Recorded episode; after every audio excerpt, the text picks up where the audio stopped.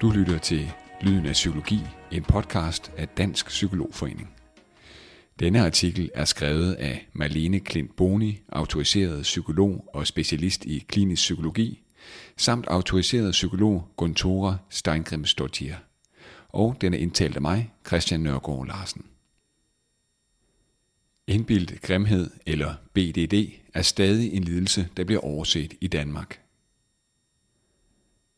Mange med BDD får ikke den rette hjælp, hvilket skyldes flere faktorer. Dels er BDD stadig en lidelse, der er meget lidt fokus på i Danmark, hvorfor den ofte bliver overset, også i sundhedsvæsenet.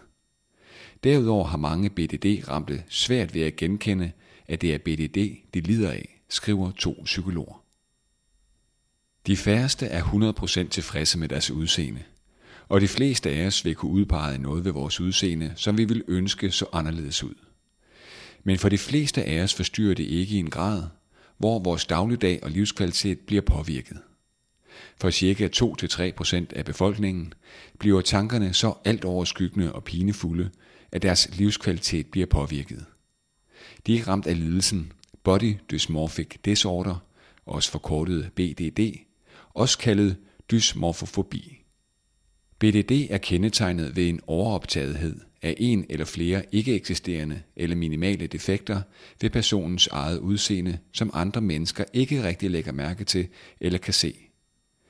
Forskellen på BDD og den utilfredshed, som de fleste af os kender, er, i hvor høj grad man er forpint af tankerne, og om livskvaliteten er væsentligt påvirket. På den måde kan BDD sammenlignes med OCD, vi kan alle få tanker om for eksempel bakterier eller blive i tvivl om, hvorvidt døren er låst, men dette adskiller sig fra den styrke, tvangstankerne får ved OCD, og den forpinthed, der er forbundet med tankerne. BDD debuterer oftest i ungdomsårene, men kan også begynde i barndommen eller senere i voksenlivet. Udviklingen af BDD-symptomer sker ofte gradvist, hvor tanker om utilfredshed med bestemte dele af udseendet gradvist stiger i sværhedsgrad. Andre gange debuterer det BDD som et lyn fra en klar himmel, for eksempel i forbindelse med en kommentar om en persons udseende, som vedkommende ikke kan give slip på. BDD forekommer en lille smule hyppigere blandt kvinder end mænd, men forskellen er ikke ret stor. Ligesom ved de fleste andre psykiske lidelser skyldes BDD et komplekst samspil mellem genetiske, neurobiologiske og sociale faktorer. Mange udvikler en form for social angst, og på længere sigt kan de pinefulde symptomer føre til depression. Nogle BDD-ramte har andre tvangslidelser på samme tid, for eksempel OCD, spiseforstyrrelse, og ca. 30% udvikler skinpicking, en tvangslidelse, hvor man piller i huden, og som ofte medfører sår på huden. Man kan nemt komme til at tænke, at en person, der er meget optaget af sit udseende og bruger timevis foran spejlet, er forfængelig. Men der er en verden til forskel på forfængelighed og BDD. Der er ikke noget galt i at gå op i sit udseende.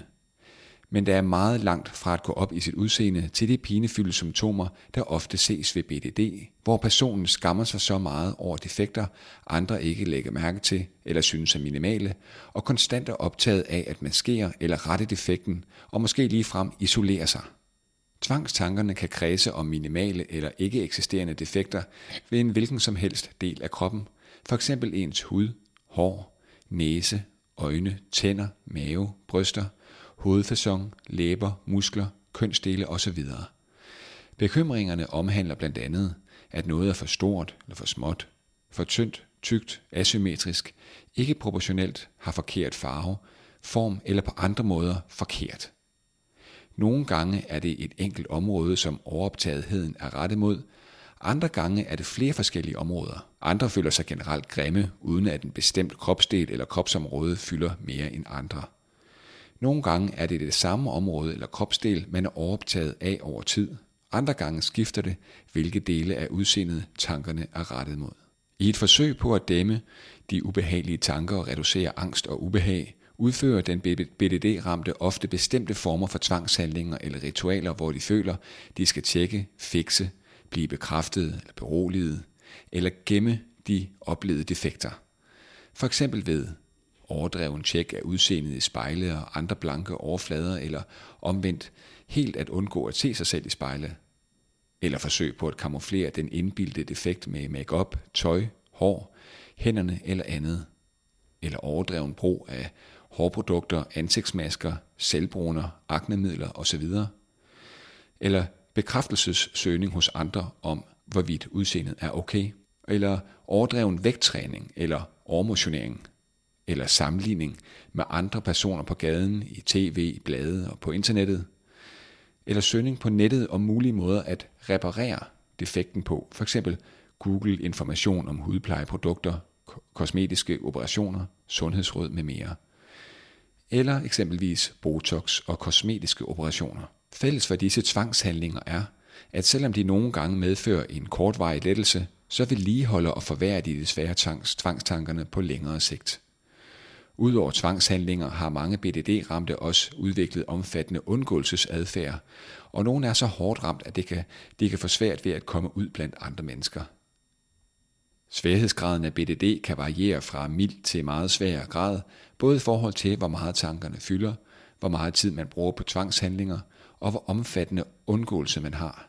En anden ting, der påvirker sværhedsgraden, er, hvor stor indsigt den BDD-ramte har, det vil sige om personen med sin fornuft godt kan se, at tankerne om den såkaldte defekt er overdreven og urimelig, eller om personen er overbevist om, at tankerne er sande og realistiske.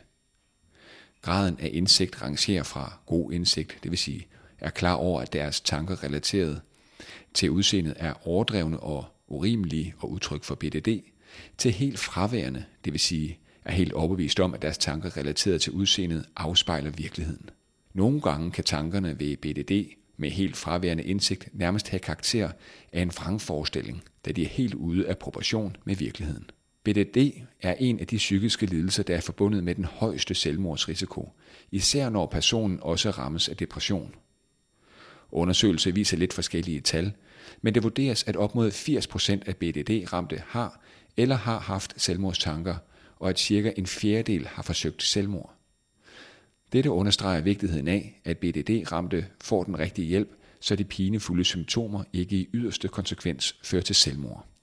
Mange med BDD får ikke den rette hjælp, hvilket skyldes flere faktorer. Dels er BDD stadig en lidelse, der er meget lidt fokus på i Danmark, hvorfor den ofte bliver overset også i sundhedsvæsenet. Derudover har mange BDD-ramte, som beskrevet ovenfor, svært ved at genkende, at det er BDD, de lider af, da de oplever, at de har et reelt problem med en eller flere ting ved deres udseende. De oplever med andre ord, at deres problem er fysisk, ikke psykisk. Derfor er der mange, der ikke opsøger psykologisk eller medicinsk behandling af BDD, men i stedet opsøger hudlæger, plastikkirurger og andre faggrupper for at, ja, såkaldt reparere defekten. Mange er også tilbageholdende med at søge behandling, da de er skamfulde over, at tanker om udseendet fylder så meget, og de er bange for at blive opfattet som selvoptaget og forfængelige. Endelig er der mange BDD-ramte, der på trods af den rette diagnose ikke bliver tilbudt specialiseret behandling. Dels mangler der specialiseret tilbud til BDD-ramte i Danmark, dels er der mange, der tilbydes behandlingsformer, der desværre ikke har vist sig at have den store effekt på BDD. Uden behandling er BDD oftest en kronisk lidelse. De seneste år er det heldigvis sket meget i forhold til at udvikle effektiv behandling, og med den rette type behandling kan de fleste få reduceret eller helt slippe af med symptomerne. Der findes to typer evidensbaseret behandling af BDD. Den ene er kognitiv adfærdsterapi, og den anden er medicinsk behandling. Kognitiv adfærdsterapi bygger på den viden, man på baggrund af forskning i dag har om BDD'ens vedligeholdende mekanismer. I kognitiv adfærdsterapi samarbejder den BDD-ramte og behandleren om at bryde de tanke- og handlingsmønstre, der vedligeholder BDD'en. En del af behandlingen omhandler også det, der kaldes psykoedukation, det vil sige undervisning om den ramtes egen tilstand. Det giver nemlig den ramte en forståelse for, hvad der udløser og hvad der vedligeholder tilstanden. For at bryde handlingsmønstrene er der to metoder kaldet eksponering og responshindring, der er helt centrale i behandlingen. Ved eksponering udsætter den BDD-ramte sig gradvist og systematisk for situationer, der udløser tvangstanker om den såkaldte defekt. Det gør samtidig med, at den BDD-ramte gradvist skruer ned for de tvangshandlinger, vedkommende plejer at have. Det kan fx være at gå ud og handle uden makeup, sætte sig med den såkaldte dårlige side til, når man er på date, eller gradvist skrue ned for den tid, man bruger foran spejlet. Det har nemlig vist sig, at jo mere man forsøger at såkaldt løse de kritiske tanker om defekten ved udseendet med tvangshandlinger og undgåelse, des mere vil tankerne fylde. Når man gradvist afvikler tvangshandlingerne og stopper med undgåelsen, vil tankerne gradvist fylde mindre og mindre. Samtidig arbejder man med at udfordre de tankemønstre, der vedligeholder BDD'en. For eksempel tanker om, at andre har samme tanker om den såkaldte defekt, som den BDD ramte selv, og tanker om, hvis bare defekten ikke var der, så ville jeg jo have det godt. Udover at arbejde helt konkret med at bryde de vedligeholdende tanke- og handlingsmønstre, kan det ofte også være relevant at arbejde med. Nummer 1. Bearbejdning af ubehagelige oplevelser fra tidligere. Nummer 2. Selvværdsproblemer mere generelt. Nummer 3. De følger BDD'en har haft for en. Og nummer 4. Depression, social angst eller andre samtidige lidelser. Det er primært antidepressiv medicin i form af SSRI, på dansk selektiv serotonin genoptagelseshæmmere, der har effekt ved BDD. Ved BDD er den effektive dosis af SSRI typisk højere end ved angst og depression, ligesom det også er tilfældet ved OCD, og det kan i nogle tilfælde være relevant at øge til over den typisk anbefalede maksdosis, da højere dosis ofte har højere effekt. Dette er naturligvis en speciallægeopgave, da det er vigtigt med nøje overvågning af bivirkninger med mere. BDD-ramte, der oplever effekt af medicinen, beskriver, at de har færre tvangstanker øh, om deres udseende, og at de har nemmere ved at undlade tvangshandlinger og har mindre undgåelsesadfærd. Medicinen kan også hjælpe på andre symptomer, f.eks. hvis personen har udviklet en depression eller angstsymptomer som tillæg til BDD-lidelsen.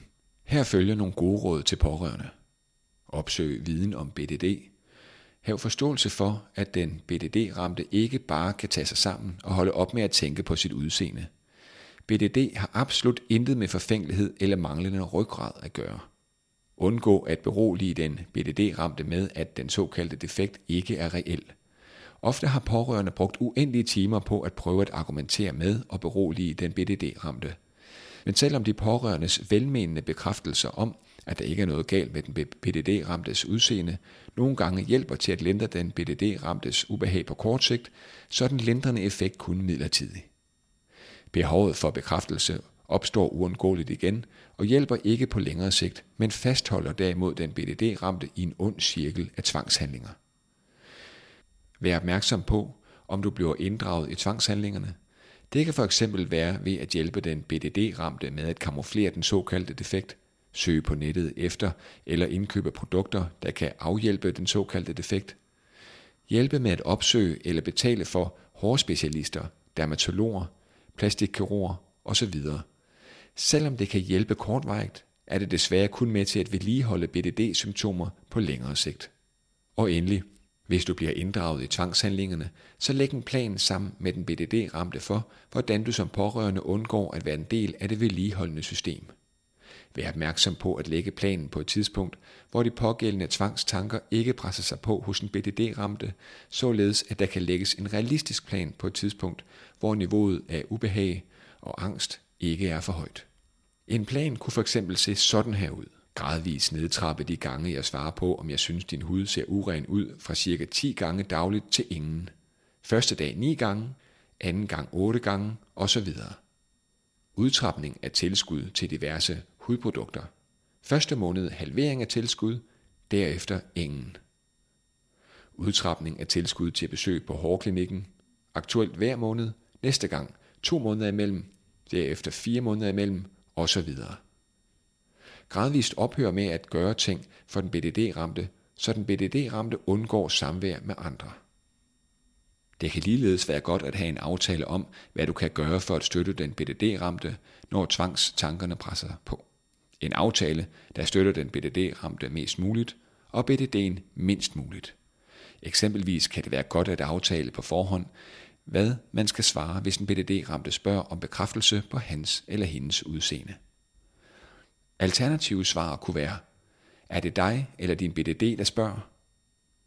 Vil mit svar hjælpe os på længere sigt, eller er det mon BDD'en, der forsøger at få os til at lave en tvangshandling?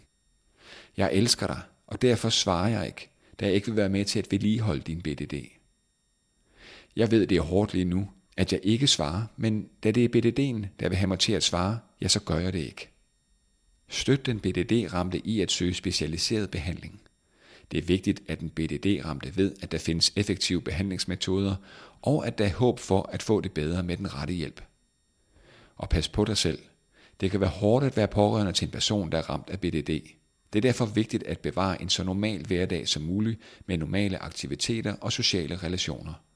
Opsøg selvhjælp, hvis du oplever, at din kæres BDD-lidelse belaster dig. Og endelig her følger en casebeskrivelse. Mille på 24 år har tvangstanker om især hendes hud i ansigtet, hendes næse og hage. Hun har tidligere brugt flere timer om dagen foran spejlet for at grænske sin hud for fejl og ujævnheder, men nu undgår hun helt spejle, for hun kan ikke overskue at skulle bruge flere timer foran spejlet. Nogle dage oplever hun huden som helt forfærdelig grim, andre dage har hun et mere realistisk forhold til den. De dage, hvor det er værst, skal hun ikke forlade sit hjem. Andre dage, når hun føler, at det ikke er helt så slemt, kan hun tage ud og handle i det lokale supermarked, men bruger cirka en time på at lægge makeup, før hun kan gå ud. Hun undgår øjenkontakt, for hun bliver bange for at blive bekræftet af andre i, at hun er grim, enten ved, at de siger noget til hende, eller at de tydeligt vemmes ved at se hende. Når hun er derhjemme, kan hun bruge flere timer om dagen på at kigge på billeder på nettet af folk med tilsyneladende perfekt hud. Hun kan ikke se noget i tv uden at sammenligne sit udseende med deres. Hun har flere gange spurgt sine veninder og sine forældre ind til sit udseende, men det siger altid, at hun har fin hud, og de små ujævnheder og enkelte bumser i ny og næ er helt normale og ikke noget, andre overhovedet lægger mærke til. Andre gange hjælper denne beroligelse lige kortvarigt, men Mille har svært ved at tro på dem. For nogle måneder siden blev Mille nødt til at stoppe sin uddannelse, fordi hun til sidst måtte forlade klasseværelset så mange gange for at gå ud og tjekke i spejlet. Og når hun ikke var ude at tjekke, kredsede hendes tanker kun om hendes hud. Siden hun er stoppet på uddannelsen, er hun også blevet mere og mere trist og føler heller ikke, hun har overskud til at bevare kontakten med vennerne. Efter Mille er begyndt at være så trist så meget af tiden, energiforladt og håb, håbløs om, at det nogensinde kan blive bedre, har hendes forældre insisteret på, at hun skal opsøge sin læge. Mille var flov over at fortælle, at tanker om udseendet fyldte så meget, så hun fortalte kun om, hvor trist hun var, og at hun ikke havde energi mere til at passe sin skole. Lægen henviste Mille videre til behandling med diagnosen depression. Mille er en fiktiv person, men et eksempel på, hvordan en person, som er ramt af BDD, gradvist kan blive mere og mere isoleret fra samfundet, da BDD-symptomerne fylder mere. Sådan slutter den psykologfaglige artikel om BDD, Body Dysmorphic Disorder, skrevet af psykologerne Marlene Klint Boni og Guntora Steingrib Stodgier.